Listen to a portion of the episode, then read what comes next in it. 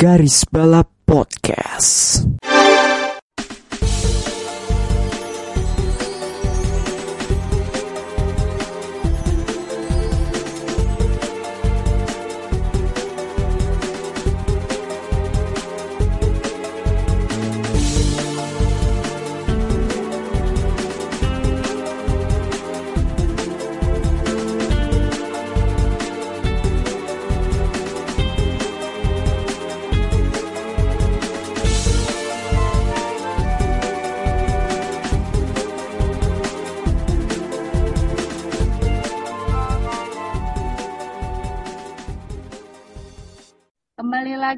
Garis balap. Kalau kamu melihat temanmu yang murung-murung itu antara dua atau tiga mungkin.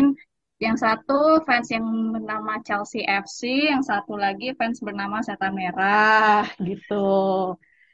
Jadi tolong hibur mereka ya. Oh sama satu lagi Tottenham Hotspur. Oke, jangan lupa dihibur ya teman-teman semua gitu biar hari mereka semakin cerah gitu. Dan itu juga berlaku pada saya juga sih. Kebetulan saya tadi saya juga GGMU gitu kan. Hmm, but anyway kembali lagi di garis balap di episode 7 eh enggak. Ini keberapa sih? 80. 80 Oh, eh. hampir lupa kan saya ini. Eh di sini aku nggak sendiri. Ada bagus si admin utama dan ada juga admin magang Halo, dong say selamat pagi, siang, sore, atau malam bagi kalian yang mendengarkan ini kecuali Frankie De Jong. Waduh. Good evening. Good evening. Good evening.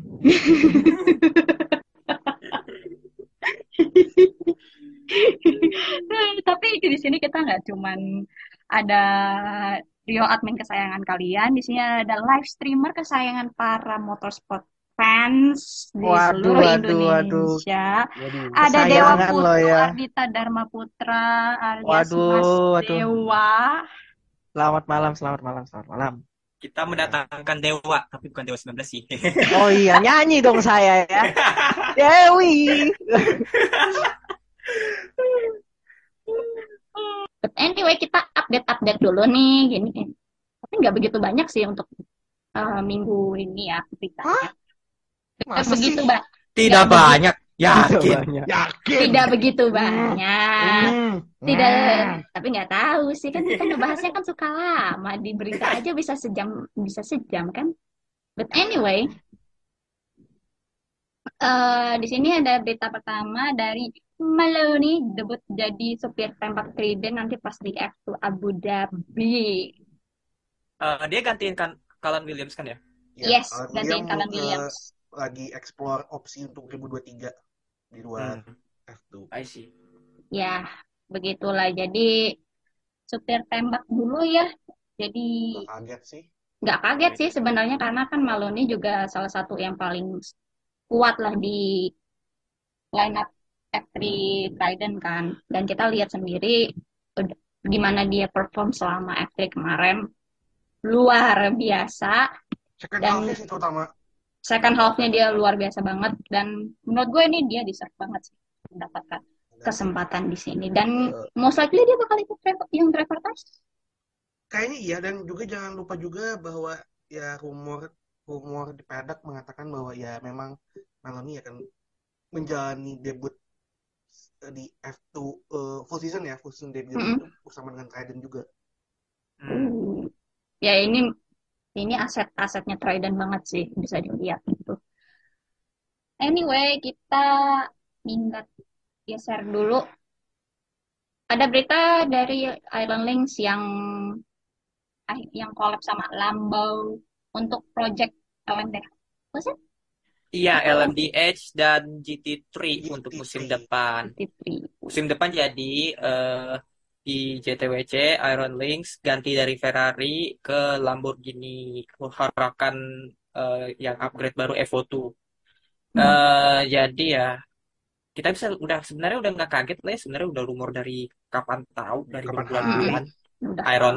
Iron Lynx Prema akan akan apa ya partnership dengan Lamborghini di LMDH Mm-mm. ataupun GT3 dan ya Big L untuk Ferrari ya masuk Hmm. masuk masuk big L sih, terutama Iron Iya. Dempsey sih. Iron Iya. Iron Lynx Iron Dams ya. Iron Lynx, Iron Dams itu sebenarnya ini tim yang bisa dibilang terkesan baru gitu kan masih berda- baru berdiri 2017 tapi bener-bener apa ya ini tim bukan kaleng-kaleng gitu loh justru ya tapi ya Mm-mm. lagi lah ya Ferrari eh, kayaknya lebih percaya sama AF Force gitu kan partnership sama AF Force dan membuat Mm-mm. partnershipnya dengan Iron Lynx gitu Oke. Masih dari bau-bau GTWC gitu kan. Ada yang pindah haluan nih. Dari was it Audi? yes Iya. Audi WRT ke BMW alias Om Pale Engkong kesayangan Hmm. warga pedok MotoGP pindah haluan ke BMW. Cintanya Eh, Dorna ini. Jadi eh, kan rumornya juga dia bilang bahwa dia udah pasti pastikan akan ke WR apa stay di WRT kan Iya, dan mm-mm. katanya juga akan menjadi pembalap pabrikannya BMW. Oh, Jadi nggak Hmm. jadi nggak Iya. hanya nggak hanya nggak hanya sebagai pembalap WRT aja tapi akan apa akan lebih intens lagi oh, hubungannya sama menarik nih. Ya mungkin nggak bu- bu- bukan nggak mungkin 2024 gitu kan dibawa pasti ke sih. Pasti sih. Pasti sih. bawa ke Lemang lah pasti. Pa- Wah, paling nggak Eh, GT3 sih ya karena ya GT3. eh, ya setidaknya at least G- GT3-nya sih. Karena ya Mm-mm. eh, BMW juga dapat kotel efeknya dari fans Vale gitu loh. nah Wah, gila. Kalau Iya. kalian nonton Hmm. GTWC Europe eh, Europe kemarin salah satu aja gitu. Yang pas yang waktu yang spinnya Vale bus itu dari awalnya 9.000 jadi 31.000. emang ya namanya Emang multiplier efeknya dibawa sama Memang- Vale ini tuh memang- nggak nggak nggak main nggak main-main iya. Oh, Begitu. yes.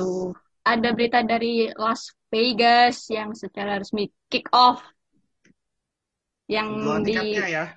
dijual tiketnya ada harganya kalau nggak salah 400 Paling murah 400 sekian. 400 Sa- Wow. USD. sama sama sama sama Miami nggak sih? Nggak ya?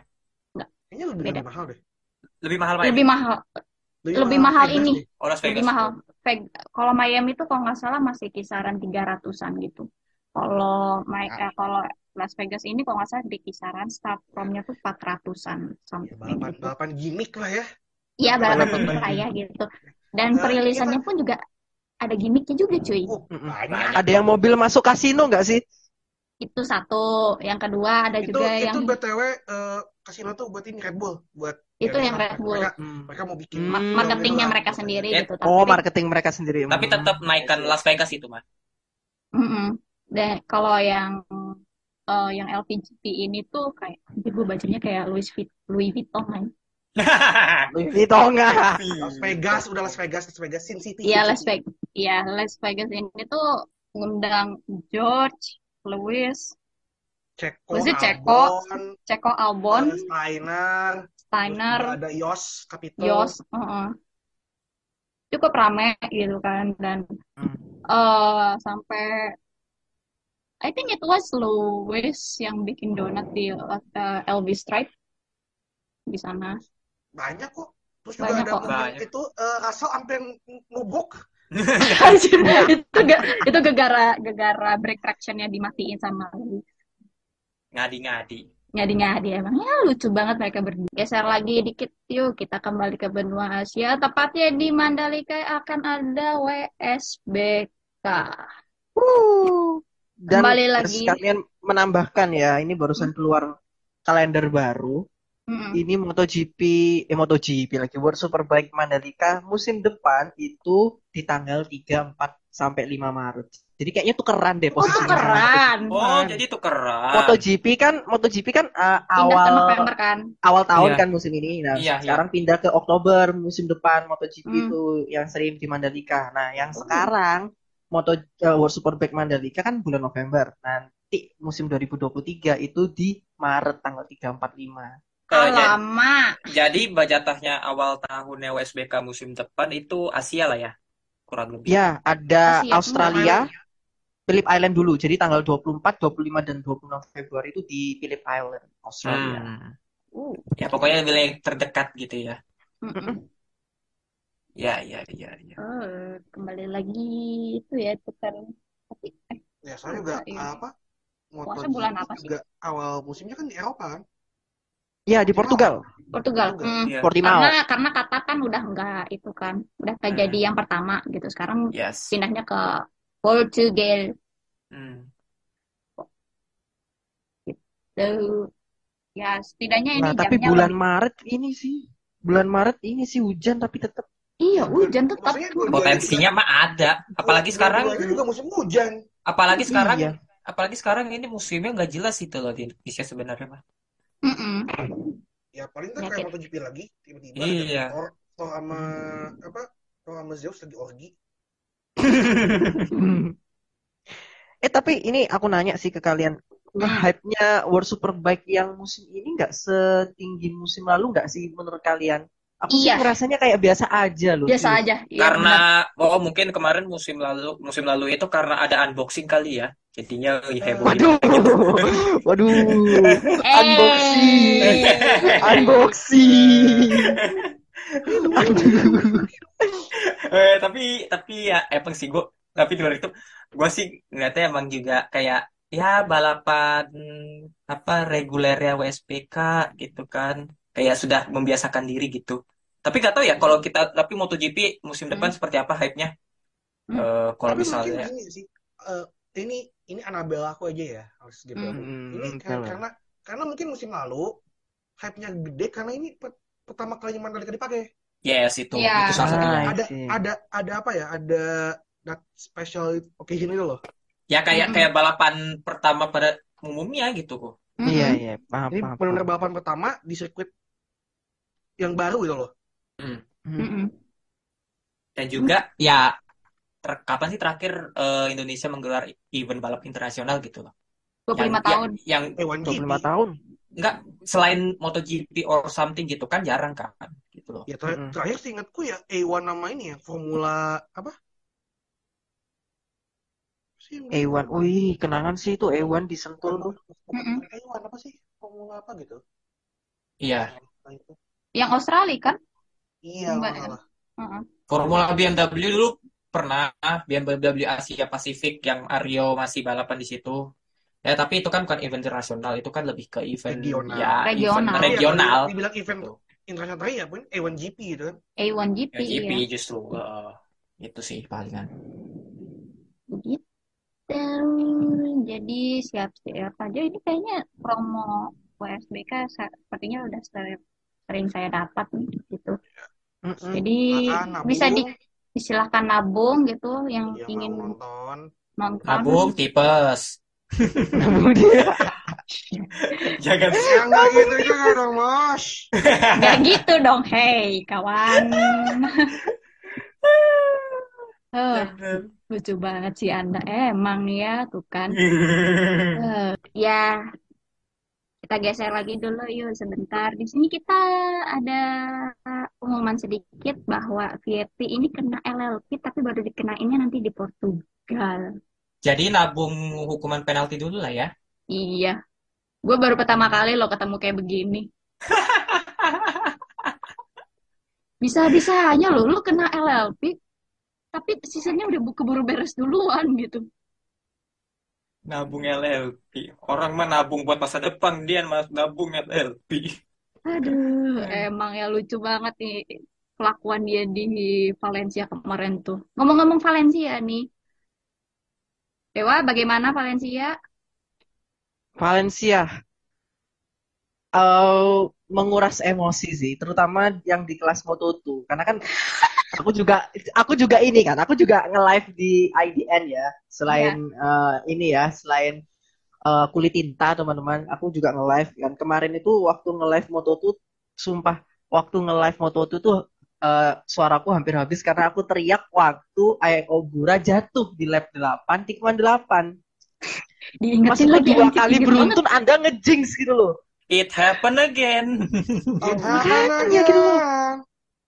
Ampun, ampun. banget. Anda Ayo, sampai ingat sampai gila ya. He like to Ayo, Ogura. out. Masalahnya, masalah itu gini, dia itu sebenarnya kan eh, sebelum GP Malaysia kan sudah ada keunggulan poin kan. Tapi dia Makanya, itu dia itu tuh greedy untuk dia ngomong sendiri waktu di salah satu wawancara dia bilang aku kepingin eh, benar-benar bisa nuntasin balapan sebagai pemenang supaya aku bisa menjauh menjauh jarakku di klasemen dari Augusto Fernandes. Maksudku finish kedua aja cukup di GP Malaysia gitu loh. Kenapa harus ngotot ngejar yang di depan gitu loh maksudku. Ya, ya. dipikir sama dia gitu loh. Eh, ya, it shows again kematangan lah ya. Eh, Mm-mm. tapi tapi kalau menurut gue sih gue bisa paham juga sih kenapa dia ngincer eh, kemenangan ya. Dia gua, mungkin yang gue jadi masalahkan dia itu kurang Hmm. tenang aja sih. Mm-mm. Ini, ini kelihatan banget bahwa nih nih anak di bawah tekanan bahwa akan jadi juara Moto2 Moto2 aja dia tuh nggak bisa nggak bisa handle itu gitu. Mm-mm. Kelihatan banget gitu. Padahal ya musim kemarin kan ya kita tahu lah Ayu Ogura sekonsisten apa gitu kan sampai musim ini. Iya. Tapi ya beberapa kali eh turun lah ya nih performa anaknya gitu kan. Mm-mm. Ya memang ya kalau kalau udah di balapan-balapan akhir tuh emang it's all about mentality sih. Dan Mental Ogura juga- belum.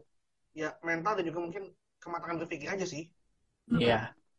Maksudku ya, if, kalau if I were the team itu gue mungkin akan akan bilang akan nggak tahu tahu sih gue nggak paham ya moto tuh ada ada dash kayak di situ atau gimana gitu bikin pesan aja kayak udah stick with itu gitu loh gak perlu gak perlu gak Mentok perlu mentok tim communication gak sih Wak kemarin tuh? Tim communication kan ada kan Tim di communication ada. Tim communication itu eh, gambarannya adalah kalau di F1 itu kan kita bisa ngomong kan antar eh, pembalap dengan eh, orang yang ada di pit. Tapi kalau di MotoGP itu hanya bisa ngelihat satu dari pitboard yang itu pastinya cepat banget dan harus fokus juga pembalapnya kan cuma lihat se- selirik doang. Iya. Di motor itu di dashboardnya ada tim communication. Nah itu nah komunikasinya ya, bisa di situ.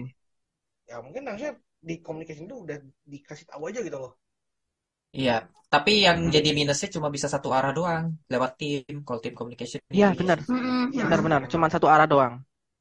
Jadi jadi si pembalap gak punya feedback or something gitu. Mm-mm. Yes, betul. Begitu. Dan Jadi seperti itu. tidak hanya Aiko Gurat aja, rekan timnya juga melakukan solidaritas Asia juga. Sama lagi tikungannya. Aduh, iya. Sama lagi tikungannya. Somkiat Tikungannya- Jaka itu. Kopiket bahkan disebut sebagai karbon karbon kopi. Iya, bener. ya Bener, namanya bener. juga solidaritas lah ya gitu kan Solidaritas sesama Asia. Sesama Asia. Bersama Asia ya untunglah mereka berdua dapat kontrak kan untuk lanjut ke musim berikutnya. Mm-mm. Hmm. ya masalahnya mau, mau ambil siapa juga Ya, Bener sih. Iya emang lah gitu sama siapa lah.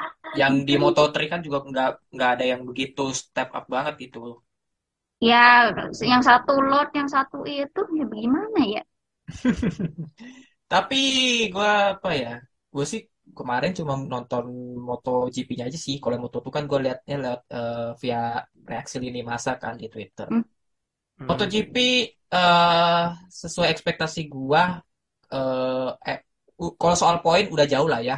Tapi Hmm, paling Ya, tidak sih jauh. itu, tapi itu itu keajaiban lah gitu kan tapi paling tidak lu tuh berdu- di dua pembalap ini tuh bisa berjuang hingga finish aja sih menurut gue itu udah sebuah tuh hal yang apa ya spesial ya ng- nggak lawak lah bisa dibilang kayak oke Mm-mm. gua gua akui lu berdua udah berjuang dan Hmm. nggak ada yang awok-awok-awok lah ya Nggak kayak ada, balapan pokoknya nggak ada kejadian kayak di inilah Moto2 lah tiba-tiba nah ada yang Moto2 itu seplak gitu loh. atau Heeh. atau yang nggak kayak Valencia lah gitu kan 2000 Nggak apa, kayak- 2006 nah Ya. 2006 ya. atau ya pak tahun lalu yang di yang di San Marino gitu loh Aduh, itu itu nyesek banget sih. Dua dua Sakit itu sakit nih gue dua kejadian yang sama-sama melibatkan dua pembalap Italia. Yang satu eh, era Rossi Hayden, yang satunya eranya Bagnaia Quartararo tuh.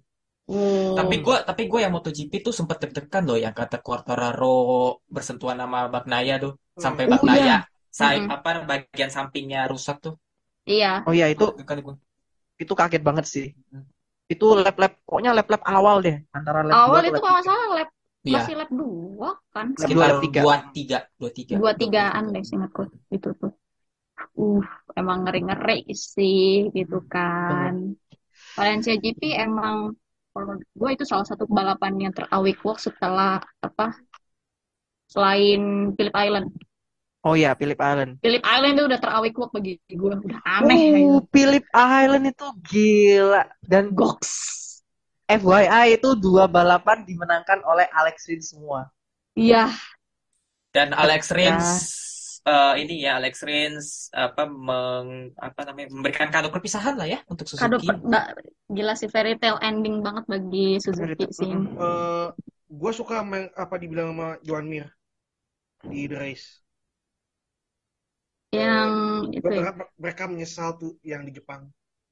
Iya. Iya. Because ya jujur Suzuki I think second half apa ya terutama di beberapa baterai ini ya step up gitu loh. Mm-mm. Dan sebenarnya kan Suzuki ini arahnya udah udah agak positif loh dengan rekor Banget, positif banget. Banget, Banget. banget. dengan dengan rekor siapa aja tuh gue lupa. Ada Livio Suppo juga, jangan lupa sebagai manager.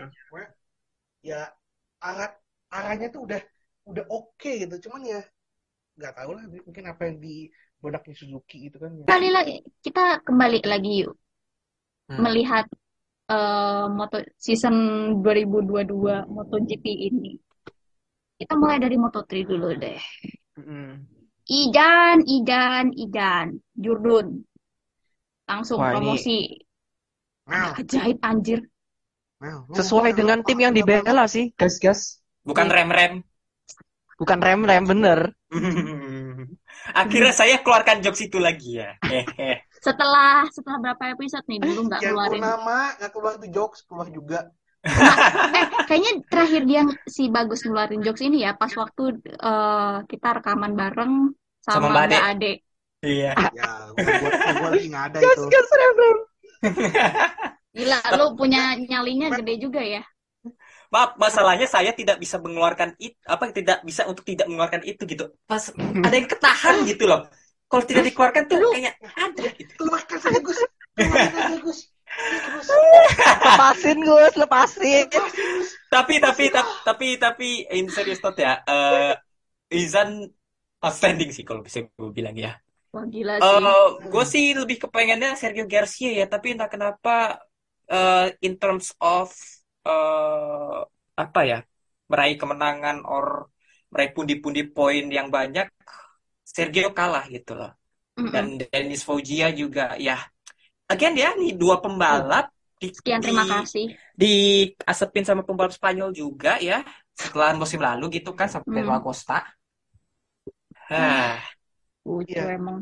Eh, ya, gua gua jarang, gua akui gua jarang nonton Moto3 ya. Tapi Hmm.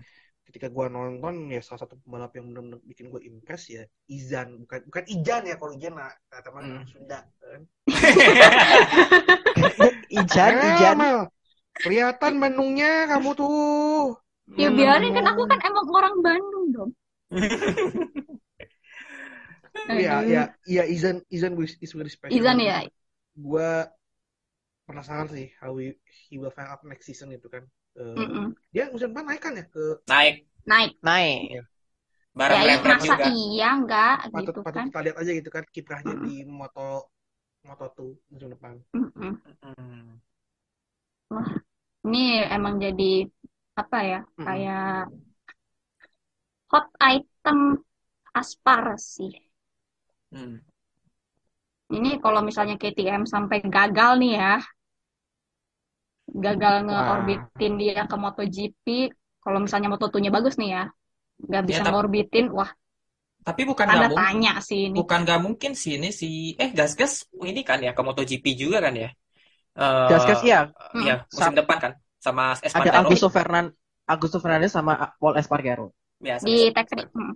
Tech Three. Ah, mungkin ya di masa yang akan datang mungkin akan dipromosikan mungkin gas-gas kalau misalnya Moto2 dia sebagus itu atau mungkin kalau misalnya dia butuh eh, musim depan adaptasi 2024 dia dipromosiin ke mungkin ke Red Bull, KTM gitu atau ya Red Bull kita nggak tahu. Ini akan jadi Hmm. apa namanya literally hot item sih untuk Mm-mm.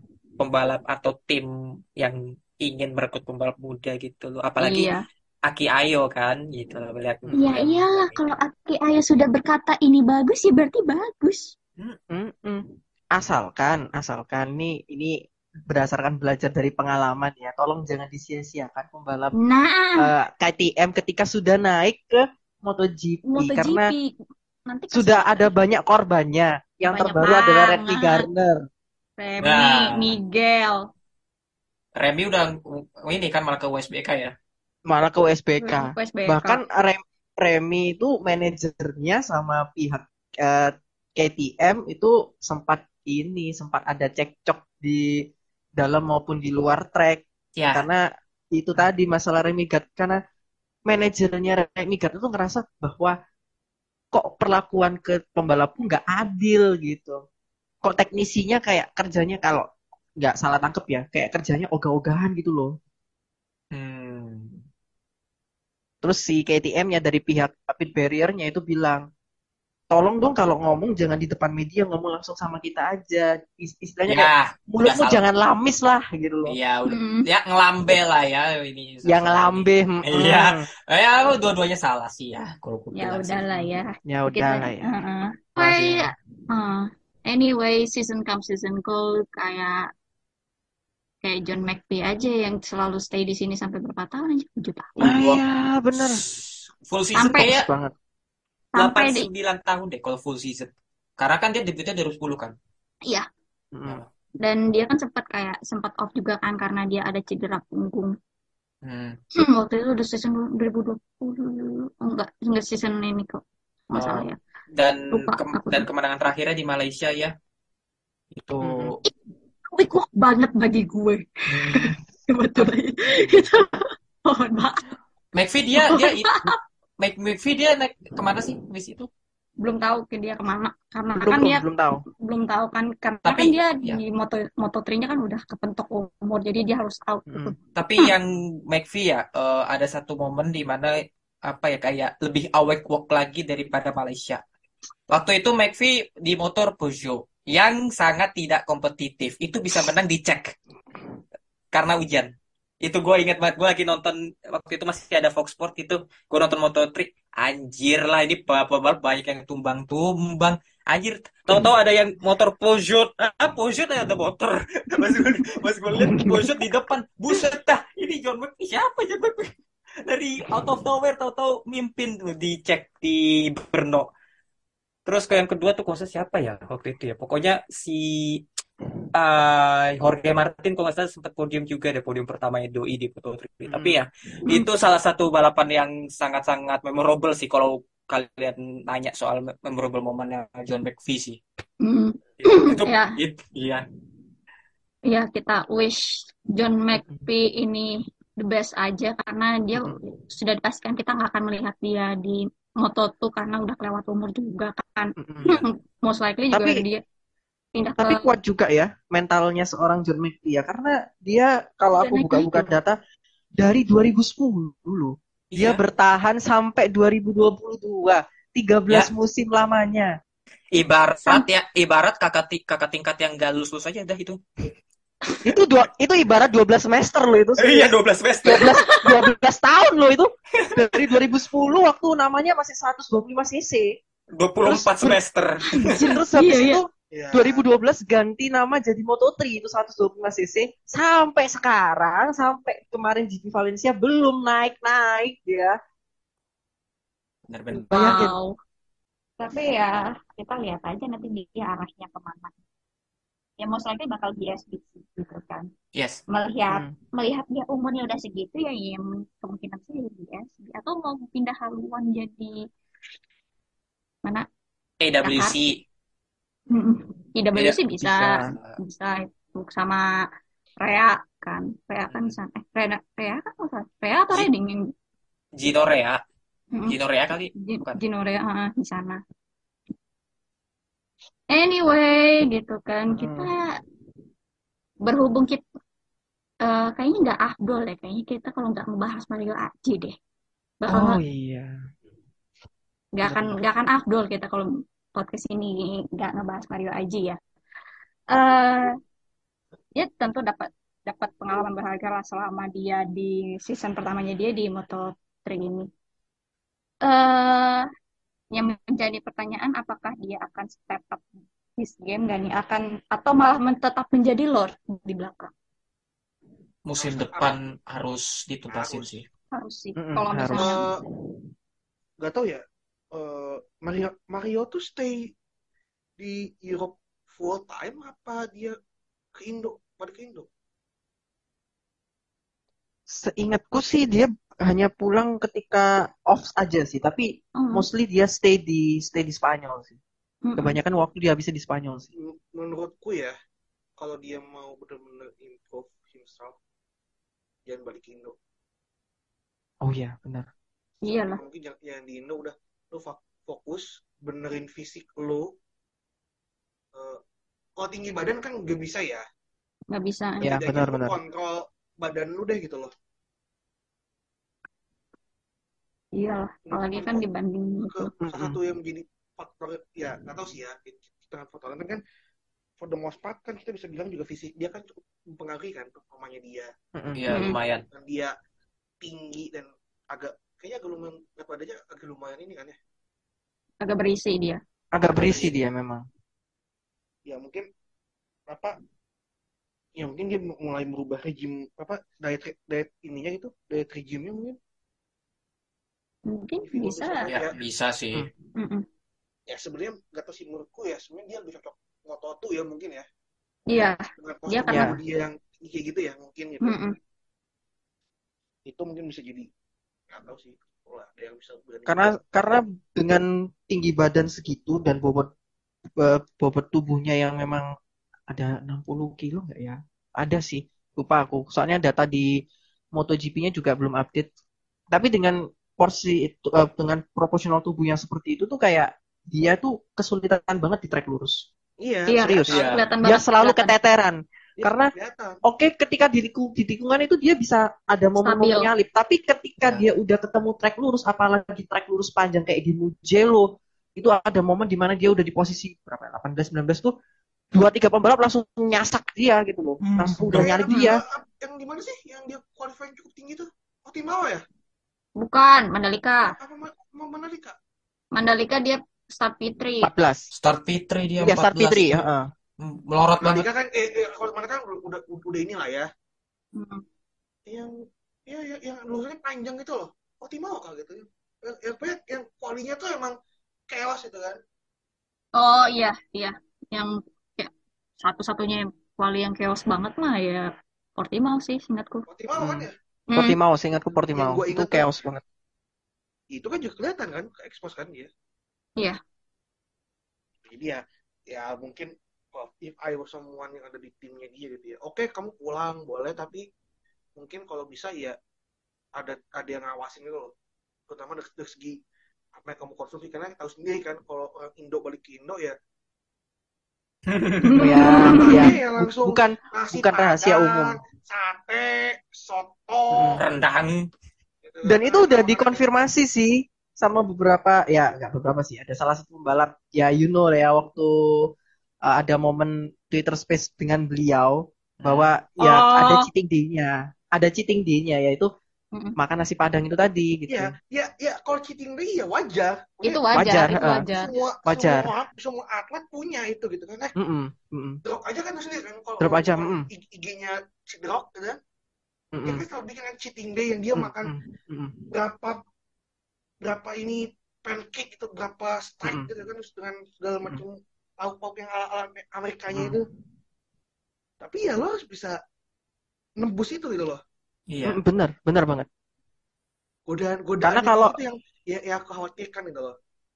Soalnya godaan ketika balik ke negara sendiri apalagi di Indonesia tuh ya satu disambut terus habis itu ketika disambut pasti makan nggak kekontrol gitu loh. Iya diajak sana sini latihan mungkin oke lah latihan tapi mungkin latihan fisik di porsi di Indonesia dengan pelatih mungkin di Indonesia dengan pelatih yang di luar negeri porsinya jauh berbeda ya Bakal Mm. beda. maksudnya gini bukan bukan artinya lu gak boleh makan makan Indonesia boleh ya boleh boleh Cuma Boleh, kontrol. boleh. dan menurutku juga orang lupa makan Indonesia tuh bisa bisa sehat itu loh bisa bisa se- sesehat dengan lo makan ala ala diet catering yang fancy like western like itu loh bisa Mm-mm. cuman ya paham paham paham diimbangin dengan pelatihan yang tepat gitu Mm-mm.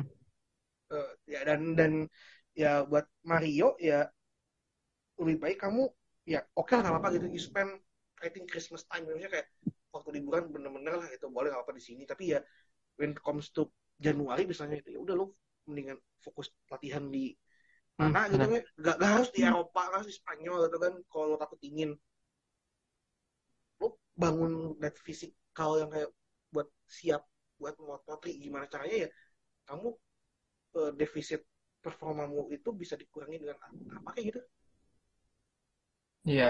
Mm-mm. Itu itu masuk akal sih.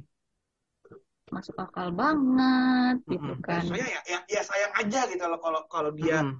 musim depan masih ini terus kemudian stop gitu Iya, sayang banget gitu. But, kok jadi malah jadi podcast diet gitu. Podcast diet, podcast Ya. diet ya. kan Bener juga sih.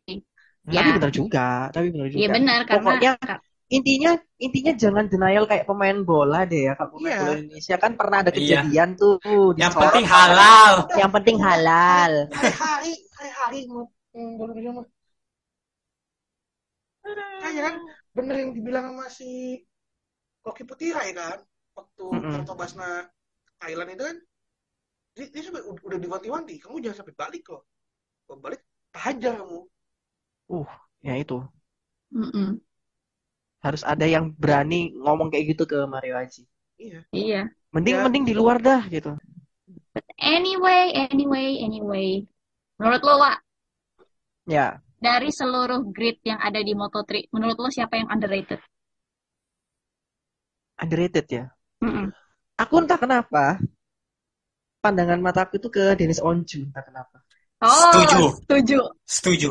Setuju banget. I don't know why karena performa dia itu oke gitu loh. Dia tuh apa ya istilahnya bisa dibilang konsisten gitu dan dia Hmm. bisa masuk Hmm. lima besar gitu. Itu Hmm. oke banget loh menurutku. Mm-mm. Dennis Oncu itu jadi salah satu yang aduh ini pe- pembalap yang aku lihat dari Red Bull Rookies Cup terus dia sekarang Iya. ada di sini ber- berkecimpung dan bertarung di kelas yang ibaratkan pertempurannya sengit banget ya kayak lebah gitu tapi dia itu konsisten dan aku ngelihat dia itu nggak pernah gak, gak, gak- apa nggak pernah DNF dia Yes. selalu finish itu Cuma- dia Cuma sayang aja di Thailand ya dia harus posisi 17 itu loh. nah itu dia itu dia Dan Itu semua dia, aku sayang banget sih. Hmm. Cuma itu doang dia ngere- nggak ngerepoin. Cuma itu doang. Mm-mm, Dan cuma itu doang poin. bener Gila sisanya sih. poin. Sementok-mentoknya finish poin itu dia 15 ya. Itu 15. 17 tuh sayang banget sih menurutku. Mm-mm.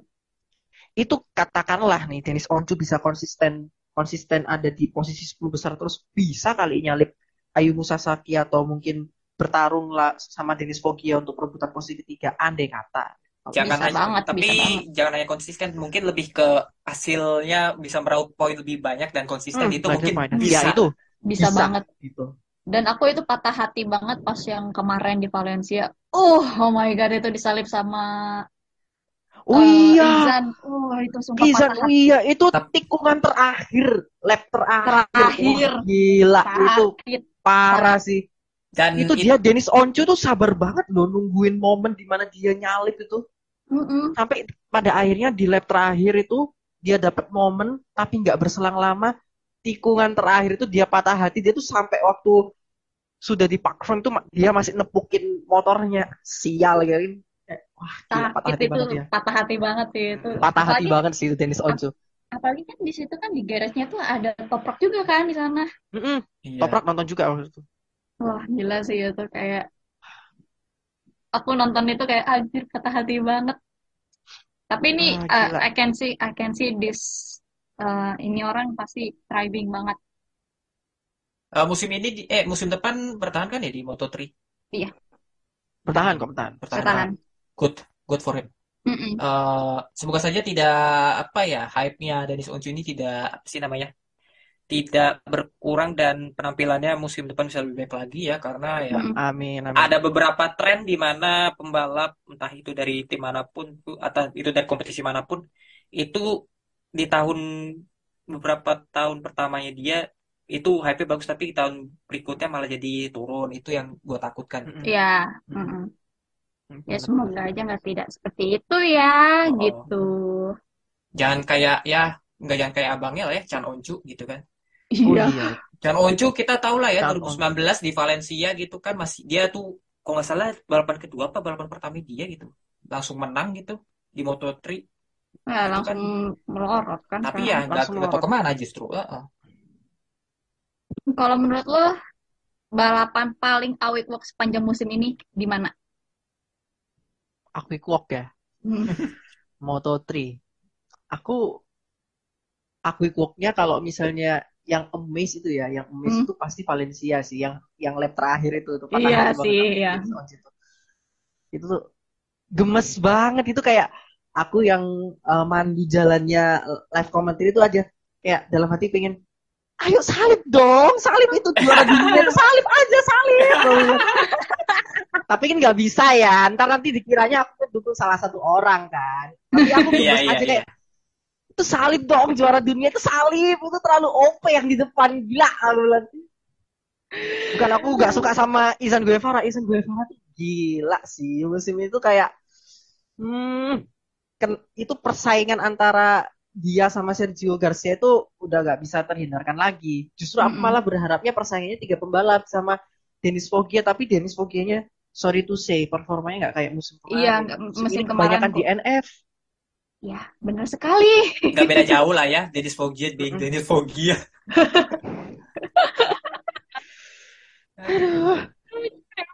Itu.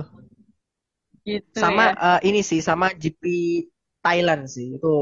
Oh, Thailand ya. Thailand itu salah satu yang gila sih. Maksudku di tang- di akhir-akhir itu ada potensi hujan maksudnya ya udahlah biar awake box sekalian gitu. Ternyata hujannya itu baru deresnya di Moto2 gitu loh. Iya. jadi awake boxnya di Moto2 gitu. Kenapa nggak di akhir Moto3 gitu loh? Kan seru ya gitu. Masuk aku kalau ada flag to flag kan kita bisa tahu tuh yang sigap yang siapa kan gitu kan. Nanti malah nanti malah recreate Austria 2000 eh, itu tahun kemarin. Yang hujan. iya juga iya ya ya aduh itu Mm-mm. bener-bener Yang Austria Ah. yang tahun kemarin kayak, hah? itu lebih baik itu lebih membanggakan aja sih itu Itu bagus Ah. banget sih gue nonton. gua gua ngeliat aja sampai Luka Marini P4 itu gimana itu loh hampir loh podium loh sebelum disalip-salip sama yang pembalap pakai ban intermediate atau wet tuh aduh Aduh. aduh Ya aduh itu aduh emang lah pokoknya. Menurut lu nih, skala Mo- Moto3 sekarang B dari B sampai Haheho, Mbak, gimana tuh? aku skala 0 sampai 10 ya Ya. Moto3 musim ini Hmm. aku kasih 8 Oh, sepakat kasih sepakat 8 sepakat kasih sih. 8 karena keseruan dari dua pembalap eh, ini sih eh, dua gas-gas ya namanya juga Hmm. gas-gas ya nggak nggak rem-rem kayak katanya bagus tadi tuh gas-gas mulu itu iya betul ya mungkin gua kalau gue sih tujuh setengah lah ya karena tujuh setengah. Em, ya harusnya sih Garcia sama Foggia bisa ini tapi ya again being unlucky rider. Susah juga. Mm-mm, bener. Mm-mm. andai Ya. kata bisa tiga tiga apa ya tiga contender itu aku bisa ngasih lebih sih. Cuman karena Dennis Foggianya ya ampun tahun ini aku tahun ini tuh kepingin melihat Dennis Foggia itu bisa step up. Karena kan musim kemarin kan Pedro Acosta yang jadi champion. Maksudku Iya. kayak lu eh, kamu udah dapat momennya nih Dennis Dennis ya Dennis jadi keinget ini ya Adit Sopojaro ya Adit Dennis Sopojaro. Dennis Dennis, tutup matamu. Bayangin kamu eh, juara Bayangin dunia kamu. Moto3. jatuh dong ya Allah Ya Allah, ini kenapa jadi no context banget? Anjir, anjir. Nah, itu tadi Dennis tuh kebanyakan jatuh Dennis Foggia tuh aduh ya ampun jadinya mauku ada tiga kontender jadinya cuma dua tuh tapi oke lah musim ini tuh Oke. Moto3 seru juga Seru ya, oke. Iya. Gue juga sama. Ya, tapi ya aku berharapnya bisa lebih lah gitu. Apalagi kalau satu jagoan saya tadi tahun kemarin tuh malah meleterai gitu. Ya udah Iya. lah ya, gitu. Hmm. Malah Izan yang lebih luar biasa sih. Iya, Ya, Izan lain- luar biasa emang ya. ya, Dennis yang ini tuh apa nutup mata bayang-bayang bayangin jadi juara Moto3 sampai jatuh. Harusnya dia membuka matanya. Eh, eh. Gara-gara dengerin omonginnya Adit soalnya. Kenapa jadi sama Darmo iki? Aduh.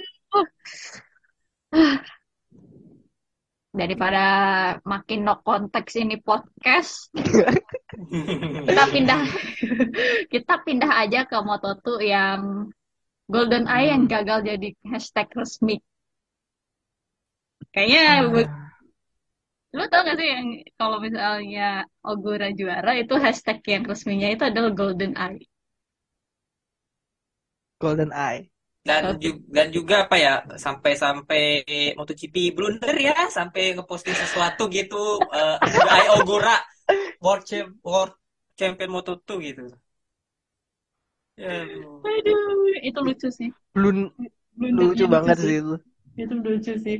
Eh, tapi ya, ya tegan. Aduh, kacang merah satu ini ya. Tapi Ai Ogura sih sebenarnya kalau dibilang konsisten kayak dia masih konsistensi pace-nya dan lain-lain. Mm-mm. Cuma ya itu seperti yang tadi gue bilang. He handle the pressure aja lah yang menurut gue Iya, wah Mm-mm. belum ini belum. belum siap sih ini sebenarnya. Ya, Belum beruntunglah, beruntunglah Idemitsu apa Idemitsu mau mempertahankannya dan diduetkan sama Jamet Thailand bernama Chandra. Jamet Thailand. Sofian Chandra. tapi tapi Tapi jujur ya, ngomongin gua- soal ya, mm, tapi gue bingung loh. Entah kenapa ya, driver sama rider Thailand tuh sekarang pada ngeblond semua loh. Ya, oh iya, namanya juga bener. kearifan lokal Thailand lah ya. Gitu. Alex si Cetlang Albon, bohong ya. Iya, Alex Albon di blonde rambutnya. Terus Chandra di blonde juga. Kemit Kubo juga sama di blonde. Namanya juga Jamet. Namanya juga jam. Bangkok. Apa tuh yang Aduh. lah. Aduh, tren tren jadi blondie jadi berlanjut ya. Tuh. Bet, ya gitulah. Jadi eh Ogora jadi tolong ya diperbaiki lagi ya, jangan terlalu buru-buru gitu. Mm. Ini Tapi sebenarnya ya ngomongin soal Ogura itu ini dia tuh sebenarnya udah mulai agak menggebu untuk segera ya cepat-cepat buat memper, mem- eh, menjauhkan diri dari kejarannya Augusto Fernandes tuh waktu momen dia menang di Motegi kan menang di kandang sendiri iya, kan. iya banget. motivasinya menggebu banget Heeh. tapi grafik performanya kalau aku lihat itu di empat balapan tersisa Turun gak sih? dia finish 6 finish 11 dua kali gagal finish bayangin coba Mm-mm. Sebelas tuh poin pas yang udah waktu Phillip. Island kan? Waktu Phillip Island Ya, kalau yang Portugal mah ya gak usah ditanya lah ya. Portugal kan ya mayhem mayhem is mayhem banget gitu ya kan. mm. Iya ya udah lah yang Portugal just ya udah, ya gitu. Hmm, tapi yang gue sayangin sih Malaysia. Gitu sih Malaysia. Lebih ke Malaysia sih kalau gue sih. Kayak he, Iya, he gets aku the aku ball gitu. benar-benar He gets the ball dan dia punya peluang untuk menjauhkan diri dari Augusto Fernandes itu yang tentunya masih di belakang. Eh, lu cuma Hmm. di depan lu cuma Tony Arbolino and ya it happened gitu loh. iya. Ya shit happen lah ya. dan itu terjadi last lap lagi. Last lap juga kan oh, sampai aku Tony kayak pecah banget gitu loh. Apa yang di pikirannya dia ngejar Tony Arbolino gitu. Sampai Tony Arbolino sampai melambai-lambaikan tangan ke fans-fans gitu kan. Karena udah ya udahlah ini rival gue udah jatuh ya dah dah dah dah gitu kan. Sampai ketawa dia tuh. Eh, sampai ketawa. Aduh.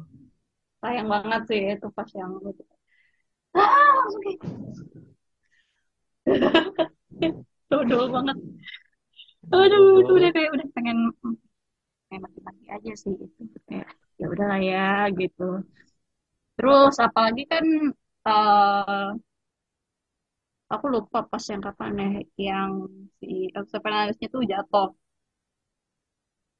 Hmm. Was it Philip? Oh ya Philip Island. Philip Island itu Phillip kayak ya Island pilihan jatuh. jatuh pilihan jatuh Philip Island itu ukurannya Ah, nggak nggak ngel- memanfaatkan nggak manfaatkan malah di kan kesempatan bawah dia cuma Iya. finish 11 belas iya kan. Terus kayak sekali itu sampai kita mikir kayak ini nggak ada yang mau jadi juara dunia apa? betul kayak Mm-mm. kayak ya gitulah Yang dan satu jatuh, yang satu jatuh juga kayak iya iya kamu iya kamu aja yang jadi judul nih, enggak kamu aja yang jadi judul terus gimana sih? Iya. Maunya gimana? sama seperti eh, Celestino Vietti yang tidak bisa memanfaatkan untuk meraih poin Gua gua udah sampai ya, menyerah sama sih. gue udah sampai menyerah sama Vietti sih jujur. Ini Apa- tahun pertamanya kah? Enggak, seingat seingatku dia Enggak, dia bukan. Ini kedua- bukan tahun pertamanya dia. tahun kedua kan? Tahun Kedua kedua ya? ketiga? Tahun kedua seingatku. Mm-mm, Hmm, kedua deh oke. seingatku ini. Tapi ya ya Masalahnya Celestino Vietti musim kemarin itu oke loh. oke oke banget. As a Nggak rookie paham oke. musim ini.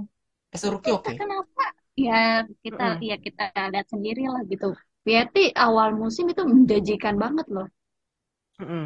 Literally oke sebenarnya. Oke banget menjanjikan sangat menjanjikan banget dia tuh kayak wah ini calon-calon title contender nih gitu kan. Makin sini makin sini malah makin banyak bukan mengumpulin poin malah ngumpulin DNF. Makin blee gitu kan. Mm-mm. Itu itu Vale udah Bayangin kayak ya. itu Vale udah kayak kalian tuh sepertinya udah tahu dengan meme-meme yang sudah beredar Uh-uh. ya Iya. gitu. Sampai tolak pinggang begini. Nggak, ah. nggak nggak percaya gitu kan maksudku Celestino Vietti oke lah ini musim keduanya mungkin secara posisi di klasemen lebih bagus daripada musim dia debut ya musim Mm-mm. lalu tapi come on di NF Anda itu lebih dari lima loh bayangin dalam satu musim Nih bahkan aku hitungin ya. terakhir Dia tuh empat pasangan balapan terakhir itu satu bersih gitu loh Nih aku hitungin ya. Eh satu, terus dua, tiga, empat, lima, Ya. enam, tujuh, delapan, sembilan, sembilan DNF nggak tuh? Mm-mm. Anjir Mam, gila setengah balapan sama dia Sembilan sendiri. DNF Mm-mm. Mm-mm. setengah balapan isinya dia gagal finish loh hampir Hampir, hampir itu kalau. 10 kalau 10 itu jadi 10 per 20 bayangin ini masih 9 per Rekor. 20 rekor. Rekor. Tapi Terus- tidak, tapi tidak lah ya untuk Augusto Fernandes yang bisa apa memanfaatkan poin. Gitu. Oh iya dong. iya dong Iya dong. Apalagi dia kan setelah kemarin hmm, apalagi kan abis ini kan dia langsung di secure sama Tech 3 gas-gas ya. Good. Promosi. saya bisa pastikan tahun depan musim depan Augusto Fernandes itu adalah rookie of the year Ya Really? iya dong. Oh iya, ya iya dong cuma dia doang masalahnya. Iya dong. Mohon maaf, maksudku, maksudnya yang kemarin malam itu pas award night itu langsung kalian kasih aja itu. Iya. iya iya. bisa itu Mas eh, Augusto musim depan cuma sendirian kan ya ya sini aja Aduh. Kan harusnya kan harusnya jadi kan enak tuh Kan harusnya kan dia kan bersaing sama Ogura nih karena sesama rookie kan. Mm-mm. Kalau harusnya kan yang diorbitin kan Og- Ogura gitu kan di Asia Honda. Harusnya, tapi sayangnya Ogura kambuhan. Iya, Mm-mm. jadi eh, tutup dulu deh. M- mungkin kayaknya beda, mungkin kayak beda cerita kalau misalnya dia bisa bersaing sampai akhir gitu loh. Nah, iya. Mungkin kayak eh, tiba-tiba ada cerita kayak eh, breaking news siapa ini ya eh, news siapa akan leading leading LCR, LCR Honda gitu. Nakagami Siapa gitu. Nakagami Hmm. gitu kan. Terus apa atau dibajak siapa gitu kan. Eh tahunya oh, cuma rumor Cuman rumor ya, rumor stays jadi rumor. Emang ya. Hmm. gitu. Eh, tapi menurut lo untuk yang moto tuh siapa yang eh, menjadi pusat perhatian lo?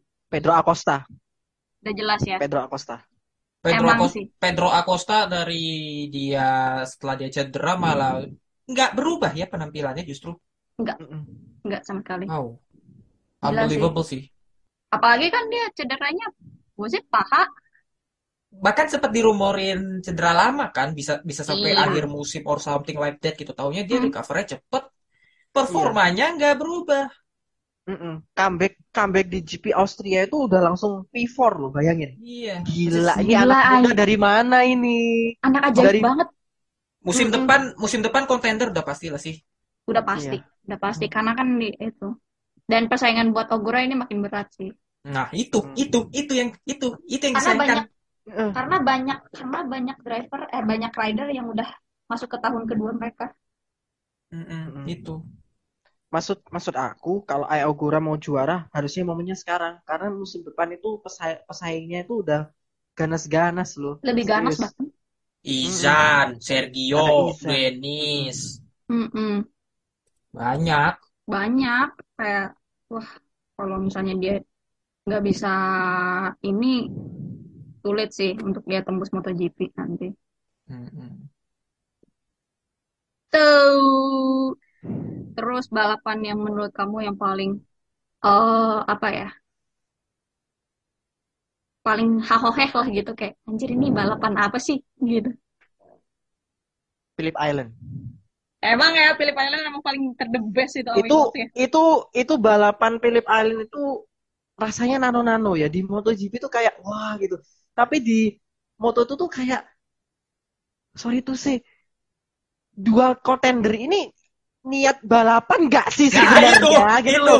Niat menang gak sih gitu? Tolong dong gitu. Anda udah bagus nih di dua balapan sebelumnya di Motegi sama di Buriram tuh. Augusto Fernandez terutama Motegi tuh persaingannya Ai Ogura sama Augusto Fernandez mereka posisi satu dua tuh. Oke Mm-mm. lah di Buriram karena hujan tapi masih bisa balapan walaupun cuman dapat poin setengah tapi Hmm. tetap seru juga gitu loh. Iya.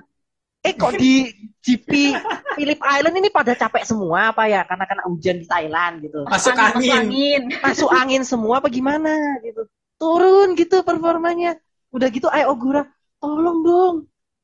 Anda kalau tahu pembalap pembalap yang saingan Anda ada masalah, Anda berusaha sekuat tenaga untuk gimana caranya step up gitu. Eh enggak, kelempar dari 10 besar gitu loh. Aduh, parah emang. Itu nggak habis pikir, itu balapan nggak habis pikir kalau di Moto2. Iya sih, itu emang nggak habis pikir sama sekali sih aku itu juga nontonnya. Kayak, apaan ini? Balapan kagak ada yang mau menang apa? Heeh. Eh, aduh, ampun dah ini, ini kocak abis. Ini Ya, paling kocak sih ini. selain. Mal- selain Malaysia lah ya, kalau bila bisa dibilang Mm. lah. Hmm. Mm-mm, Tapi kalau ini mah lebih awet ke Phillip Island. Ya kalau Malaysia. Hmm. Tapi ya Ogura emang mesti revolusi mental aku rasa sih. Itu sih. Eh, sepertinya dia perlu eh, masuk ke pondok pesantren kali ya. Kan udah. Hidemitsu itu kan. Idemitsu, kuil. Pindah, kuil pindah, tuh. Pindah, pin- pindah ponpes kali ya. Pindah pohon. Pindah kuil. Pindah wihara. Eh, mungkin nggak tahu di di ya kan gua kan being ignoran ya. Eh, mungkin nggak tahu di MotoGP atau di Moto2 atau ini ada eh, modelan-modelan yang kayak ada apa Bah Marco gitu siapa gitu yang bisa Harus- tatapan publik gitu loh. Harus banget sama Ki Ayo enggak kan? Hmm, ditata sama Ki Ayu, kena mental anjir. Makanya gitu kan. Sama Ciabati aja kalau mau kena. Anjir, Ciabati lagi. Sekian terima kasih itu mah. Mending-mending Marco dah ah, daripada. Ciabati. Saya pribadi walaupun bukan fans ini banget ya, tapi kadang masih aneh-aneh loh. Ini sama Ogura di Malaysia sama di Malaysia terutama kayak ngopo tuh asu.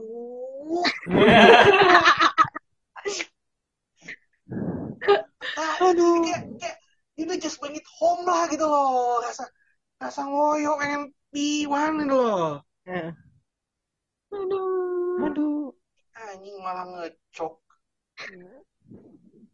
Orang Parah sih itu. botol. Tuh emang ya. habis pikir, Ya habis kalau pikir. kalau musim depan masih sama aja udahlah. Suha kiri aja lah udah. Terabsurd moto apa keabsurdan moto tuh dari 1 sampai 10 berapa? Kejam gak sih kalau aku ngasih 8 sampai 9?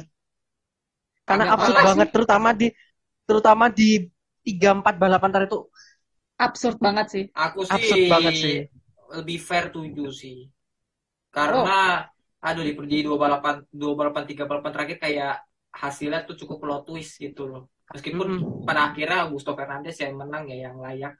Cuma ya banyak banget yang harusnya menjadi kontender juga malah botol Vietti terutama Mm-mm. Vietti wis lah gitu loh. Dan ya Jangan lupakan mas-mas bertato bernama Aaron Canet itu aku Aaron Canet tolong dong dia tuh bisa jadi kontender. tapi itu fotonya banyak banget itu. Iya serius. Makanya aku waktu leher aku gini. waktu se, se, ya, se- leher tuh aku pikir kan um- umurnya kan ini kan. Aku pikir umurnya itu udah 27, 28 kayak John McPhee gitu. Enggak, eh ternyata masih Masih muda. 97. 99 dia kan. Eh, 97 apa 99 ya? Aku lupa, Deng. nah, 99 sekitar kok. 99 ya? Wah, Itu ya? 23. Lupa aku. Dua tiga. Mm-mm. Udah. Buset. Tato-tato Eh, iya, Deng, banget. 99. Apalagi dia kumisan kan? Ya, lu Eh, itu ya kayak gila. Kok bo oh, sorry yang kok kayak gini penampilan tapi ya oke sih. ya nggak tapi- nggak apa-apa, apa-apa. Cuma aja. cuma cuma kayak lu tuh belum jadi apa-apa kayak udah macam-macam gitu loh. Itu aja sih kayak ya lu tuh masih karir lu masih bagus gitu tapi lu apa ya dan dengan lu banyak mentato-tato itu bukan nggak mungkin bisa mencederai karir lu juga gitu karena apa brand atau mungkin orang yang atau mungkin brand akan sponsorin lu itu bakal melihat citra lu dan ya itu it's not look good gitu loh dengan usia lu masih muda 23 something gitu loh Ah, tapi tato bukan jadi patokan sih di Bad Boy or Not.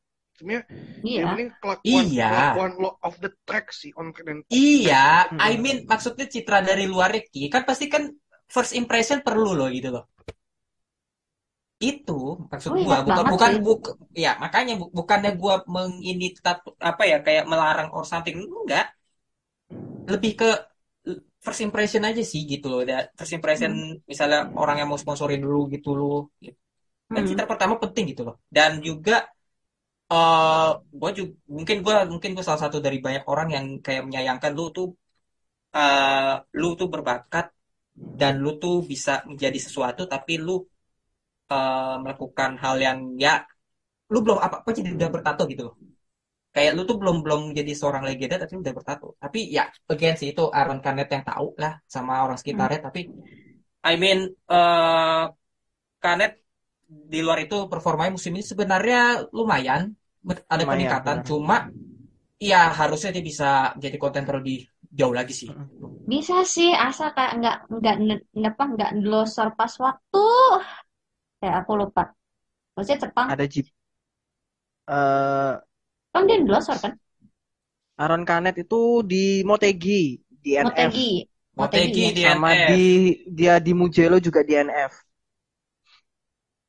Oh iya Mugello. Padahal dia padahal dia Aaron Canet itu waktu di Mugello ketika pole position itu aku kayak kayaknya dia bisa sih untuk setidaknya podium lah finish kedua atau ketiga gitu. Syukur-syukur dia finish pertama karena performa dia selama akhir pekan di Mugello bagus gitu. Mm-mm. Tapi kok malah di NF makanya tuh eh, terlepas dari apa pun penampilannya Mm-mm. yang bikin aku kaget pikir lebih tua dari aku ternyata lebih muda dari aku tapi dia itu potensinya besar sih di motor ya? potensinya. masalahnya dia Canet itu tadi lebih ke Canet ya itu karena itu mungkin di luar ya gue nggak tahu sih di kehidupan dia di luar gimana ya. apakah akan seperti si siapa sih itu namanya Romano Venati yang tukang ribut or mungkin eh, atau mungkin ini tapi tapi eh, ya musim depan harus jadi contender si Kenneth dan Mm-mm. buktiin gitu paling tidak gitu kalau lu emang kalau lu emang eh, cukup bisa berbuat banyak gitu di, di title contender Dan dia perlu menang. Jangan lupa Perlu. dia belum pernah menang. dia belum pernah Iya, menang belum juga pernah kan menang. di musim rookie dia sebenarnya juga dia juga nggak buruk gitu kan musim musim dua musim lalu 2020 2020 Hmm. Makanya kayak oh, kalau dia nggak sampai itu apa? Dia harus menang sih untuk menunjukkan Iya. kalau dia dia itu bagus dia harus menang. Sebenarnya bisa tuh udah dia nggak bisa dia nggak bisa sebatas po, apa podium podium aja gitu. Dia harus sebenarnya menang. di, ya sebenarnya tuh gue udah ngeliat ini dari 2019 sih kayak Kenneth nih sebenarnya ada bakat gitu ya sayang aja sih kan sama De, apa Della Porta kan dan Della Porta Iya. sekarang ke mana gitu loh Iya. Iya. Della Porta nggak tahu aku ke mana kos iya jadi ya. Aaron Kenneth malah yang bagus gitu Mm-mm. Ya musim depan sih musim depan harus Musim depan tepat sih, iya kita lihat aja ini persaingan Moto2 akan seneraka apa gitu kan untuk tahun depan. Banyak banyak pembalap yang punya momentum bagus. Gitu persaingannya. Dan gue yakin ini pasti bakal menjadi neraka banget sih hasil apa persaingannya tahun depan. Moving on ke kelas premier. MotoGP what a season. finally finally gila 5 title contender. Lima loh. Lima. Beneran. Lima. Gila. Ini terbanyak set... Udah lama banget kita nggak ngeliat sebanyak ini loh. Iya. Eh eh, apa ya? Em, emang sih ini menjadi salah satu musim terseru yang harusnya ini bisa dituntaskan sama Bak Naya ya. Mm-mm. Harus kalau lihat dari beberapa hasil ya kayak retired 5 balapan itu harusnya bisa dimanfaatkan sama Bak Naya dengan betul. Mm-mm. Yang notabene juga beberapa ada sirkuit tipikal Ducati yang harusnya bisa dituntaskan tapi ya eh Bak Naya- Bak- tapi itu juga menolong Quartararo sih Eh, banyak yang apa namanya Bagnaya banyak yang glosor itu bisa dimanfaatkan Quartaro. Quartaro sebenarnya in terms of hasil leb- Mm-mm. apa ya konsisten bisa dibilang tipis sih. Hmm, not really nggak sekonsisten se- musim lalu. Eh, Iya. sebenarnya kalau kalau buat gue ya ngelihat Hmm. Bagnai apa sorry si siapa si Fabio juga ada juga Bagnaya ya. Eh, gue mau kasih kredit dulu pertama buat ini sih buat Fabio sih. Iya. The way that he carry itu satu tim itu satu itu, motor benar-benar Satu single- pabrikan. satu pabrikan benar-benar dia doang yang yang single carry Mm. Iya, gue sih nggak tahu ya gue masih bingung ini sama Yamaha loh. Atau mungkin ada ada banyak spekulasi sih kayak apakah ini motor Yamaha hanya untuk Quartararo apa Tapi emang kalau hanya untuk Quartararo juga ya dia juga masih sering apa ngeluh banget itu kan. Iya sih. Dan dan selama setengah musim ini kan eh, itu benar-benar di carry out dengan kebotolannya Peko aja gitu kan. Hmm. Gimana ya dia nggak bisa nge string strong result kan malah banyak glosor itu kan. Hmm. Qatar, terus Prancis yang paling ini kan sama yang sama tentunya Jerman itu di mana kita udah awal udah mikir ya udahlah gituin mah Mm-mm. Jaraknya 91 poin loh itu. Fabio Quartaro Udah, waktu itu. kita, kita, kita, kita semua tuh udah mikir, kayaknya ini udah kita kasih aja langsung tanya ke Fabio gitu loh Dan kita ngiranya ini akan jadi perebutan kontender untuk Quartararo dan Alex Espargaro Mm-mm. Mm-mm. pada awalnya. Bener. Pada awalnya. Sampai sampai ada ke- tuh dua orang bantek-bantekan kan di Zandvoort, eh Zandvoort, Asen, sorry, Sanford. sorry Balapan, Asen. Asen. Hmm. balapan, balapan di banking ya. Anjir. Balapan di banking weh. tapi menarik sih Itu di Moto Amerika terjadi. Ada. Itu jatuh sampai main prosotan itu kan. Kalau kalau sebenarnya kita bisa eksperimen itu loh what if eh, MotoGP balap di Zandvoort instead of Assen Hmm, menarik sih sebenarnya sih. apakah bisa Luas track cocok Itu luas banget. Tuh. Luas banget.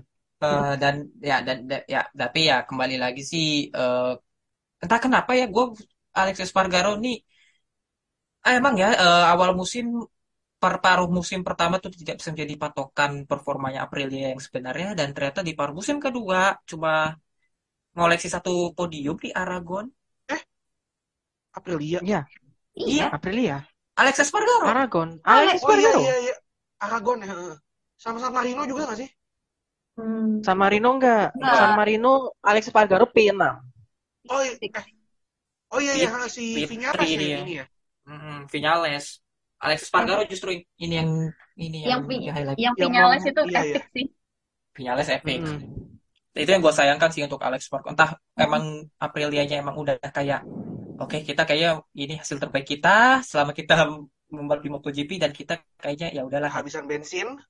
Ke ya udahlah kayak Kayak- apa pun hasilnya itu ya udahlah kita udah Kita su- sudahi saja gitu. kita kita udah achieve yang kita mau nih Iya. gitu. Melebihi malah. Kita udah kita udah puas lah. gitu. Kita udah puas ya Nah. udahlah ya kita meng- mengarungi season ini dengan santai gitu kan. Mm. ya Ih, kebawa santai beneran anjir. Eh, eh, ke bawah santai beneran. Tapi mereka harus siap-siap fokus 2023 karena mereka Oh, sudah iya. tidak punya lagi eh, keistimewaan kan karena Mm-mm. sudah eh, poinnya mereka untuk mendapatkan keistimewaan itu udah habis Mm-mm. di musim ini. Gitu. Ya. Ini harus harus diperhatikan untuk pengembangan mobil. Aku Mobil motornya. keistimewaan kayak sebuah daerah aja tuh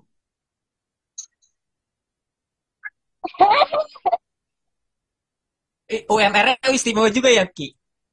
UMR-nya naiknya juga problematik aja sih gak cuma UMR-nya aja sih Istimewa semuanya ya. istimewa banget Hmm. anjir. Aduh. Emang ya. Ya, Ngemeng-ngemeng, ngemeng-ngemeng kan Hmm. ada yang ketendang nih dari MotoGP disuruh belajar lagi di Moto2 gitu.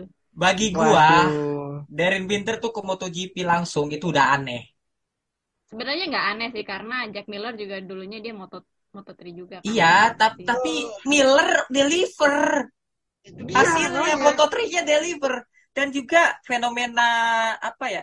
eh, mo- dari Moto3 ke MotoGP kan hanya beberapa beberapa pembalap aja kan emang dan itu kebayang kebayang itu notabene pembalap yang emang cukup deliver di hasil Moto3-nya. Cuma Darren Binder mer- masalahnya itu dia terlalu baik nabrak. Eh, Karena gue ingat Dia ya ketika, ketika gue pertama kali mendengar berita ini gue kayak really? Dan gue gua kan nggak eh, ya gue sadar kesannya gue nggak begitu ngerti MotoGP kan? Iya. Eh, gue cek lah gitu kan rekornya dia gitu. Nah gini naik ke MotoGP. Ini ada ini RNF dikasih apa dah? Jangan-jangan Binder punya bokepnya si Razali lagi Dan dan ini uniknya ya, dan ini uniknya eh Darren Binder bakal ketemu lagi sama Denis Foggia di Moto2 musim depan. Iya. Dan itu adalah pertemuan pertama mereka di satu kelas setelah musim 2021 Yusruk nabrak nabrak tuh Darren Binder nabrak nabrak Itu si aku inget, aku inget banget itu, aku inget banget. Yang Darren Binder gak boleh masuk itu kan sih? Iya, Ya, dia mau masuk minta maaf sama eh, orang-orang di Leopard. Pergi kamu, pergi, pergi, pergi. pergi, Kamu pergi, keluar pergi, dulu. nggak boleh masuk kamu. Wah, gue inget Oh. banget itu. oh iya iya aku baru inget baru inget baru inget iya iya iya Itu wah gila, chaos itu banget. Chaos banget itu ngamuk semua. Kalau gitu caranya berarti siap-siap aja bakal ada ini ya, bakal ada ka- eh, kami kasih momen berarti ya. Ah, dia nggak nggak nggak sering itu sih kalau kami kasih dia Nah. lebih sering glosor. Si siapa? Siapa tadi tuh yang yang ditabrak tuh sama si Binder? Foggia. Oh Vogia, iya, Vogia. Oh iya bakal bakal bakal kami kasih. balas dendam. Balas dendam. Fuck you whiteys. This is for the black Gila. people of South Africa. Kok lah ya, kayak Peko tuh luar biasa ya, musim ini. Mm-mm. Wah, gila. Gitu ya kalau dia nggak punya mental sih udah ngedrop sih itu. Mm-mm. Mm-mm. Setelah Sassenring tuh. Kayaknya ya, kayak aku, aku ngelihat Bagnaya itu kan eh, lebih banyak DNF ketimbang Quartararo kalau nggak salah. Bagnaya itu empat kali DNF, eh, Fabio Quartararo eh, DNF cuma tiga kali. Tapi Tapi menang kayaknya menurutku menangnya kan lebih banyak Bagnaya. Tapi menurutku itu kayak eh, filosofi seorang eh, coach yang di Twitter itu diterapkan pada dia gitu loh. Iya. Kalau kamu kal- kalau kamu eh, DNF empat kali tapi kamu bisa menang enam tujuh kali ya you you still championship. gitu loh. Dan juga salah satu kuncinya adalah dari Bagnaya adalah setiap kali dia jatuh, dia selalu berdoa. Didoain! Desmodesi, desmodesinya gitu. Didoain! Itu itu menjadi meme yang sangat sangat sangat legendaris ya di kalangan fans motorsport ya. The Berarti power of doa gitu. berarti kalau yang di sebelah juga bisa gitu dong. Harus Lah. didoain ya. Dia kan lebih ke siu dia tuh. See you see you next time. Siu next year. Ya harusnya sih bisa nular lah ya ke merah yang sebelah gitu loh. Apa Harusnya ya, vibes-nya. Iya. Vibes-nya keluar. Kemarin aja aku ngelihat di insert yang di ini ya di bukan insert selebriti ya. insert yang gue kayak lu nonton insert. kan kan di perayaan juaranya Peko itu kan ada video apa tampilan video eh, kecil di pojok kiri bawah layar tuh. Iya. sorak-sorai Ah. pendukung di Italia tuh. Itu Oh, harusnya ah, ah, Heeh. itu harusnya orang Ferrari lihat tuh. Udah belak-belakan aja orang Ferrari tuh lihat. Itu hype-nya udah ada nih. Mau ngelanjutin nggak tahun depan? Ya. Nah, paling tidak Ferrari bertarung hingga akhir ya, nggak yang tahu-tahu lo botol di beberapa balap baru, Nah, baru itu musim dia. awal. Udah ya, kamu lagi. Ya sudah. Gim- Gimana ya? berat itu berat Eh, Gus, gimana rasanya Gus? Eh, dari Australia tuh udah kayak dinaikin dong gitu loh. Iya. Mm-mm. Ah, ya sudah lah. kayak, kayak, kayak udah diangkat, ini kan setinggi-tingginya di pos itu kan. Ler. Terus Spanyol, Monaco, Azerbaijan. Se- sepertinya sepertinya emang Leclerc harus berguru ke Peko sih, gua rasa. Kayak how to turn how to turn the ta- table gitu loh. Ini bukan bukan cuma yang berdua ke Peko sih. Semua. Kayaknya juga kayaknya butuh cari eh, ini Ducati pastongnya siapa ya? Sebenarnya patut kita kita angkut ke Maranello aja gitu loh. Aduh Official spiritual guidance, kan? Aduh. Aduh. Jadi spiritual guru gitu ya di sana. Iya gitu kan. Dan, tapi juga ya kalau Mas Risan gitu ya, kudos juga Ducati juga mungkin udah berapa tahun hari ini ya udah berhasil bikin sebuah package yang benar-benar strong sih. Hmm, Hmm. dalam beberapa Hmm. tahun terakhir. Iya. Tuh. Oh, Sepengamatan saya gitu kan yang ini katanya kok kayak eh, Ducati ini berhasil mematahkan hegemoninya Honda gitu kan. Hmm. Kayak Soalnya Honda hanya tergantung sama Mark Marquez gitu kan. Kelihatan Mungkin sekali. iya ya, mungkin juga satu sisi itu. Kelihatan sekali gitu.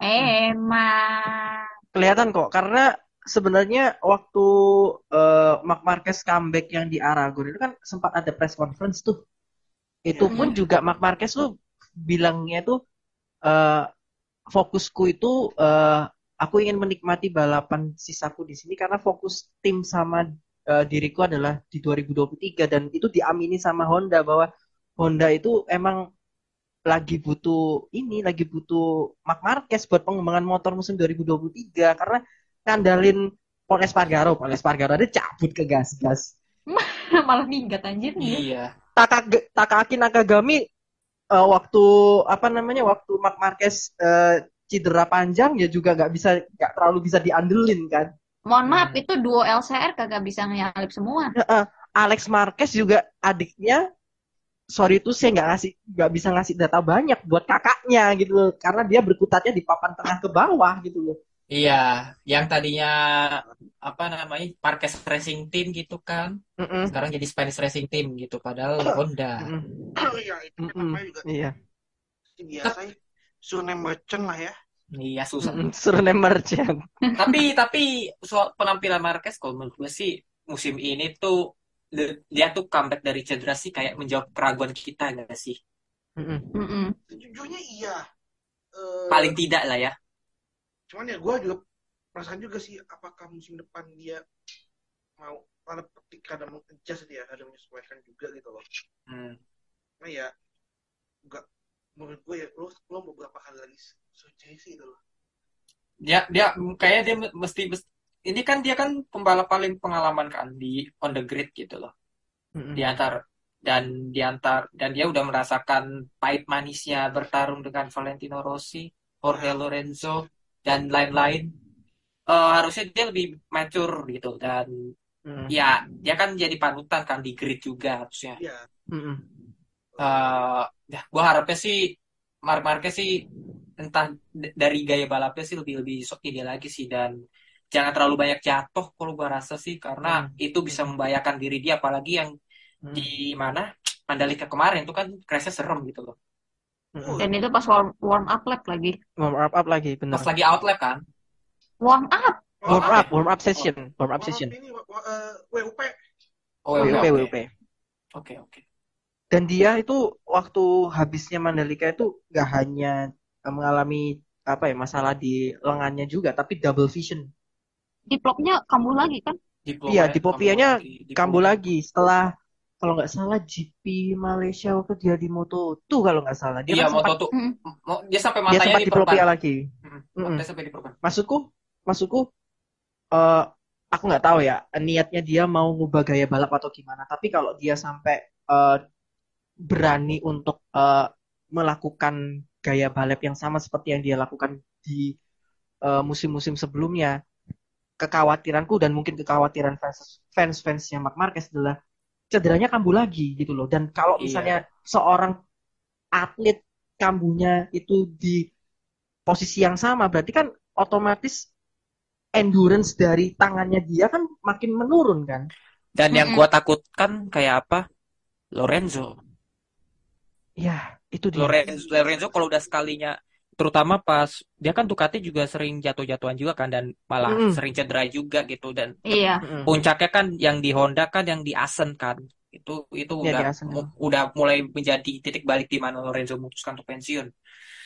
Eh Mm. itu yang gue takutkan juga sih kayak cedera cedera atlet tuh kalau udah sekali cedera parah itu bisa menghantuinya kapan saja gitu kalau dia terkena impact yang sama or ya mungkin misalnya dia tidak jatuh pun mungkin itu bisa masih bisa dirasakan dan masih bisa dialami juga gitu loh. Jadi ya Mm-mm.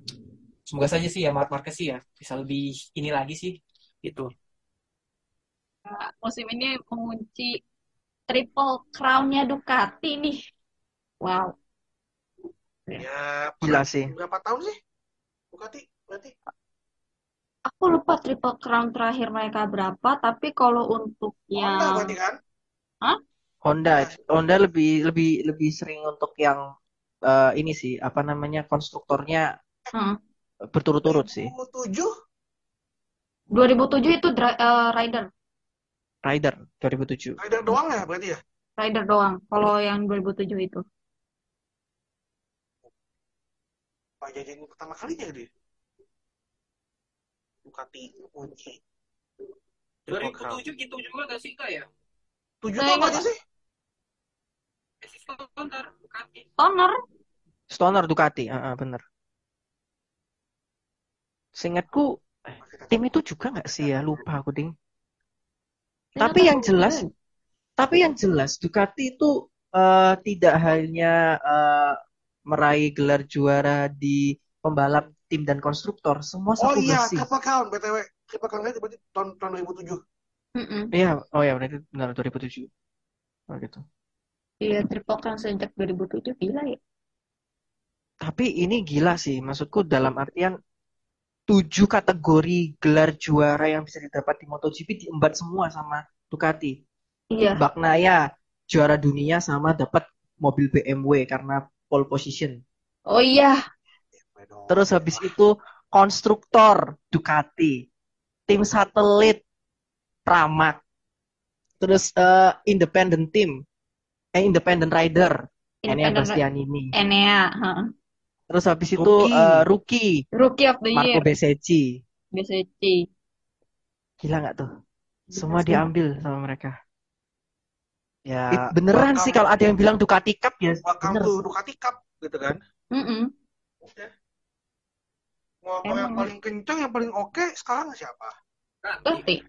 Yamaha sama Honda nggak bisa ngimbangin sekarang. Eh mohon maaf. Honda aja di sekarang di klasemennya di terakhir loh. Iya. Kayak ya itu ketergantungan sama satu hal. Ya, Itu, peringatan Besti. juga kawan-kawan namanya ketergantungan tidak baik ya kawan-kawan. Nah, Mm. tuh. Sama ketergantungan yang lain. Hmm, Sebuah wejangan ya. sebuah wejangan ya. Termasuk Luar biasa sekali. eh, bergantung kepada si dia yang tidak pernah membalas. Astaga ya Tuhan. Kayaknya lu pengalaman dah, Ki. Iya kali. Gue bingung lah pengalamannya kenapa. Deh kayaknya agak beruntung banget dengan soal percintaan. Penga- pengalamannya kayaknya Bapak Rifki ini luar biasa sekali ya. Iya. Sudah lah ya, udah gak usah dibahas lah ya kawan-kawan. Udah, udah, udah. Anyway. Saya dan semesta saja lah intinya ya. Hmm, Ya, nanti kita up lagi tweet kita yang dituliskan dicari jodoh untuk admin magang gitu ya. Ini kan lumayan. Iya, semoga Daripada lu main dapat. Tinder, Hmm. Garis jodoh. garis jodoh kan kita bisa buka biro jodoh. Mantap. Wah, luar biasa sekali ini. Kita bisnisnya banyak nanti lama-lama. Jadi eh ya begitulah season 2022 ini cukup oke menurutku gitu kan. Ya. Melihat ada ada apa sih come- ada comebacking, ada dominant performer, ada si thriller Miller dengan Viva Miller dengan rambut merah, wig Hmm. merah. Kalau kalian mau tahu itu pasti tahu lah itu yang mereka curi apa Jack Miller curi apa forklift Ya. itu terus ada juga si Rain Master gue masih nggak keba nggak nggak itu sih nggak nggak nyangka kalau seorang eh apa seorang Miguel Oliveira bakal menguasai track-track yang hujan. Mm-mm. Aku awalnya itu lebih ke nama-nama kayak ya kita sebut kayak Iwan Zarko, mungkin kayak Jack Miller, tapi seorang Miguel tiba-tiba di dua balapan hujan ya di GP Mandalika dan juga di GP Buriram itu di Thailand itu gila. Nih orang keren bener nih. Ya, Oh. dengan dijuluki Rain Master ya. Dan menurutku salah satu pembalap underrated si Oliveira. Mm-mm. Sama Binder. Brad. Binder ya, benar. Bin- Binder Sunday spesialis banget nih. Dan Brad. Brad, Brad Binder. Iya, benar Binder. Uh, Sunday spesialis dia emang. Itu juga jadi salah satu eh, pembalap underrated gue juga sih. Dan- Sama Johan sih, tapi Johan agak sayang sih sebenarnya. Johan, Ya, dia sering-sering banyak kepleset dia itu. Dan Iya. sini aku aku berani untuk kasih kasih nilai 9. Wah. itu epic plot twist banget sih kalau menurutku. Karena orang-orang udah kayak hopeless kan kayak ini setelah GP Jerman kita bisa kali ngasih eh, mahkota juara ke Quartararo. Tapi tiba-tiba mungkin Bagnaia mendapatkan wejangan dari coach ya. Coach yang coach coach ingat jika kamu jatuh empat kali dan kamu menang tujuh kali nak kamu masih bisa memenangkan kejuaraan dunia. Camkan itu coach yang coach yang timnya sekarang ada di puncak klasemen itu mungkin dapat wejangan dari situ ya mungkin ya mungkin. Hmm, bisa jadi. Hmm. sementara tim saya yang di Liga Inggris berwarna biru London ya Udahlah ya, udahlah ya. Eh, udahlah ya, mungkin kita saatnya untuk cuci gudang gelandang kali ya, udahlah. eh, eh, udah udah Gitu ya. jual jualin sana dah udah Dan, dan bagi aku juga ini salah satu yang paling worth to watch banget sih Mm-mm. untuk ini delapan setengah. Oke lah ini. Hmm. Dan untungnya Bagnaia nggak jatuh. ingat gitu. Iya. Kemarin. Iya. I mean, jadi I mean, pestanya lumayan lah I lumayan mean, ya, I mean, kayak seperti yang tadi gue bilang, Quartararo dan Bagnaia sama-sama berjuang. Ini itu menurut gue udah sebuah sebuah apa ya? eh, sebuah cerminan bahwa atau gambaran bahwa ini kejuaraan ini sebenarnya ya tidak didapatkan secara cuma-cuma, oh Mm-mm. I see, I see. tidak didapatkan saran dari sih ketergantungan saran sih pembalap lain. buat Kenapa? buat Quartararo ya kan eh, selama satu musim ini kan sudah menggendong tim dan juga konstruktor begitu begitu kuat dan begitu berat ya. Saran saya setelah tes pramusim ini silakan pijat punggung ya. Karena pasti punggung itu sudah berat sekali menanggung beban berat dari Pijet. Yamaha gitu. Pijet di Kokuo gitu ya. Heeh. Ya, yang sampai malam-malam kemarin eh, meletre kan, Pak. Mm-mm. Meletre sampai bakar rambut orang. parah bener. Parah bener. Ya kembali lah ya kalau orang, orang mabuk tuh gitu. Makanya jangan, eh, jangan mabuk. Kita gelek. Kayak kira sampai mau bakar rambut orang dua kali gitu. Ups. Mabok parah. Kira Stres. juga orang mabok. Eh, udah stres dia. Itu kayaknya bisa masuk tuh ke drunk people doing things. Aduh. But anyway, itulah rating dari kita selama ini lumayan panjang di episode. Eh, Banget. mot Tai. mot Moto3 dari mulai dari Moto3, Moto2 sampai MotoGP. Kalau kalian mendengar ini sampai akhir luar biasa sekali. gitu. Anyway, itu itu aja dari gue, dari admin Ayang, dari admin Magang, admin Utama, dan juga Dewa yang Thank you, makasih thank you, thank udah Thank you, udah datang ke Wah. podcastnya Garis Terima kasih banyak sudah diundang. Maaf kalau ngobrolnya Sama-sama. ngalor ngidul loh teman-teman. Ah, santai. Karena Santai. ngobrolnya ngalor apa-apa. ngidul lagu biasanya. Hari-hari kita mah. Jadi Hari-hari.